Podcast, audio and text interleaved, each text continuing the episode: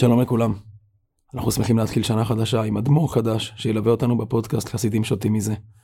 והפעם דמות שנדמה לי מוכרת מאוד ללומדי החסידות, וכנראה בזכות גדולה, הרב יהודה לייב אלתר, בעל השפת אמת, בעל השפת אמת מגור. אחד האדמו"רים המרכזיים שעמדו לעם ישראל במאה ה-19, בחצי השני של המאה ה-19. היה אדמו"ר במשך יותר מ-35 שנה, שהנהיג את uh, עדתו ואפשר להגיד גם דמות מרכזית מאוד בחסידות פולין, בתקופה שכידוע הייתה מרובת תמורות והתמודדויות, גם התמודדויות פנימיות בתוך החברה היהודית, גם התמודדויות כלפי חוץ, כשאפשר לומר עול, הגלות הולך ומכביד על עם ישראל, והשפת אמת, שהופך להיות אדמו"ר בגיל צעיר מאוד, פחות או יותר בגיל 22 הוא מתמנה לאדמו"ר, הופך להיות דמות מרכזית מאוד בחסידות פולין. שפת אמת זכה שהספרים שלו יהפכו להיות אה, ספרי יסוד שרבים לומדים אותם. ואפשר לומר שבכתיבה שלו אנחנו יכולים למצוא הרבה מאוד דברים ורבדים שונים שכנראה מושכים מאוד את המעיינים בדברים.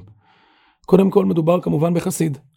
חסיד, פולני, פשיסחאי, עוד בקטנות זכה לפגוש את רבי מנחם מנדל מקוצק, כשגדל אצל סבו, בעל החידוש הערים, מושפע מאוד מתורות פשיס, פשיסחאיות, רבי מנחם מנדל מקוץ, כך חידוש הערים, רב שמחה בוני מפשיסחה, כל אלו תופסים מקום חשוב מאוד, גם בדרשות שלו וגם בעולם החסידי שהוא מייצג.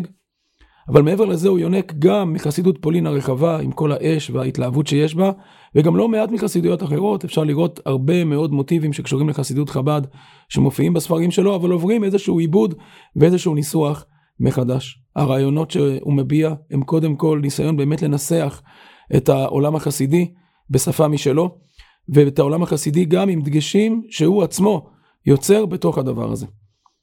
חוץ מזה מדובר, ככל הנראה, בדרשן בחסד. השפת אמת בונה את הדרשות שלו ממש מעיון בפסוקים ובמדרשים, דרך הבאה של יסודות חסידיים שהוא מכניס באמצע, וכמעט תמיד אנחנו רואים שהוא גם סוגר את הדרשות בסוף, וחוזר לדברים שבהם הוא התחיל. מדובר במהלך דרשני מאוד סגור, מאוד יפה.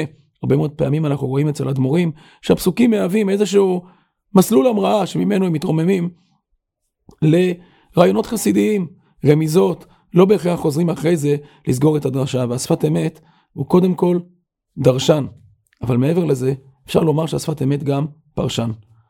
כי מעבר לרעיונות החסידיים, הוא משתמש ביסודות הרוחניים שהוא חוצב מתוך עולמה של החסידות ומתוך הפרשה כמובן, בשביל לנסות ולתאר הרבה מאוד פעמים גם יסודות פרשניים שחוזרים להסביר את מהלכי העניינים לפעמים בתוך הפרשה, ולפעמים גם לאורך פרשות רבות או ספרים שלמים. הוא בונה מהלכים שהם מורכבים מניתוח של מהלך האירועים, כשבעצם מה שמפרש אותם ומה שצומח מתוכם זה עולם רעיוני חסידי, ולכן אפשר להסתכל עליו גם כפרשן שמפרש את הפסוקים, שמפרש את הפסוקים בהקשר הרחב שלהם, וגם מקשיב ומפרש הרבה מאוד פעמים מדרשים, דברים של רש"י, ששוזרים בתוכם את העולם החסידי. השפת אמת מיוחד מאוד בעובדה שיש לו שיטה ושפה משלו. כל מי שקורא אותו מכיר את השפה המקוצרת הכמעט רומזת שיש בו, זה חלק הרבה פעמים גם מההרפתקה שיש בללמוד שפת אמת, בניסיון לפענח ולהקשיב לניואנסים והרמזים שהוא ככה מטמיע בתוך הכתיבה שלו. את הדבר הזה כנראה פחות נוכל לעשות עכשיו, אבל כן נוכל לעמוד על היסודות הרעיוניים שחוזרים, שהוא מפתח, והרבה פעמים חוזרים אחרי זה ברמיזה, בלשון קצרה, לאורך הספרים. ואותם יסודות רעיוניים, יסודות רעיוניים שהרבה מאוד פעמים הם רעיונות משלו, עם שפה משלו, נשתדל בעזרת השם, והקדוש ברוך הוא ירחיב לנו, שנצליח לעמוד על היסודות האלה ולראות מה אנחנו יכולים לקחת מהם גם לעולמנו. בעזרת השם נשתדל שגם כשיש מהלכים שהם מהלכי אורך או מהלכי רוחב בשפת אמת, ניתן עליהם את הדעת, נצביע עליהם, ובעזרת השם נתבשם גם מהדברים האלה. השפת אמת, את הדרשות שלו כתב בעצמו, שזה גם דבר מיוחד. הרבה מאוד פעמים אנחנו יכולים לראות שהספר אפילו עבר איזושהי עריכה במהלך השנים. הרבה מאוד פעמים אפשר לראות שהוא אוסף דרשות ומקבץ אותן ביחד. לפעמים הוא מתייחס לדרשות שהוא אמר בהמשך, לפעמים הוא מתייחס לדרשות שהוא עוד לא אמר, מה שמראה שהוא כבר יודע ועורך את הספר ורומז לך, תדע לך, אתה תוכל למצוא אותי בהמשך, אחרי כנראה שהוא כבר עבר על הדברים וסידר מחדש את הדברים לדפוס.